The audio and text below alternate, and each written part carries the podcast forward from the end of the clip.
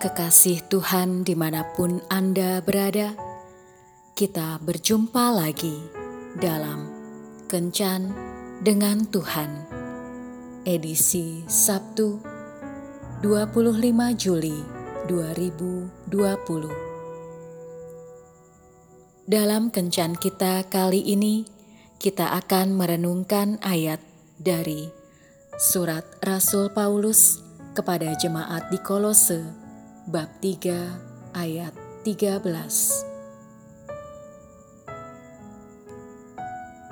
Sabarlah kamu seorang terhadap yang lain, dan ampunilah seorang akan yang lain.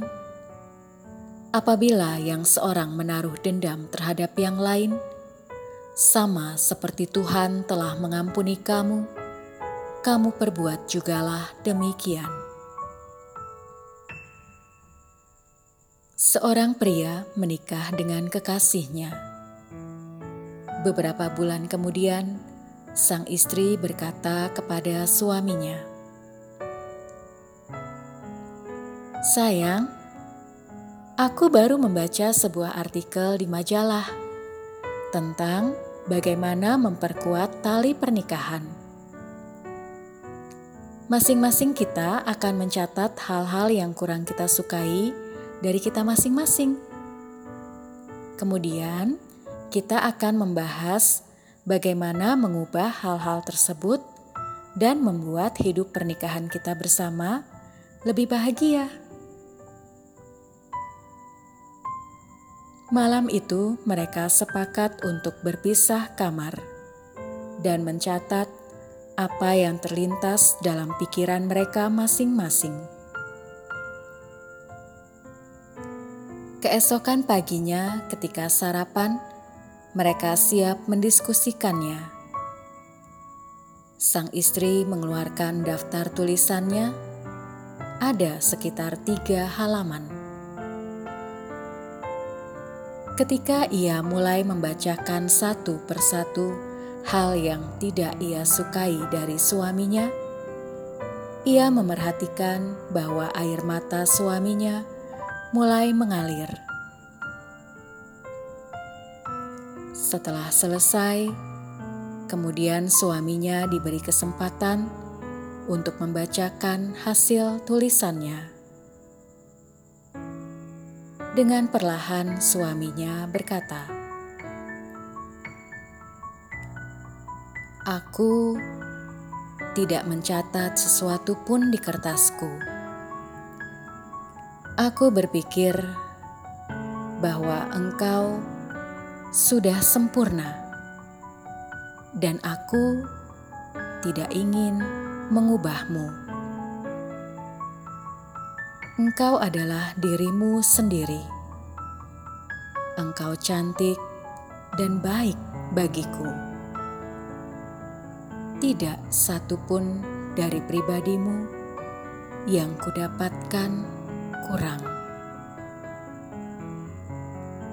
Sang istri tersentak dan tersentuh oleh pernyataan dan ungkapan cinta serta isi hati suaminya, bahwa suaminya menerimanya apa adanya.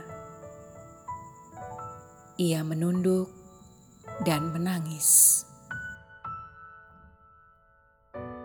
Dalam hidup ini, sering kali kita merasa dikecewakan, depresi, dan sakit hati. Sesungguhnya, kita tidak perlu menghabiskan waktu memikirkan hal-hal tersebut. Hidup ini penuh dengan keindahan, sukacita, dan pengharapan. Mengapa harus menghabiskan waktu memikirkan sisi yang buruk, mengecewakan, dan menyakitkan? Jika kita bisa menemukan banyak hal-hal yang indah di sekeliling kita,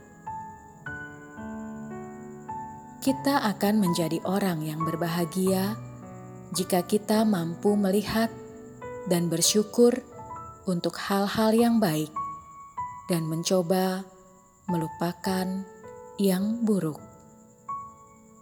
Tuhan Yesus memberkati. Marilah berdoa.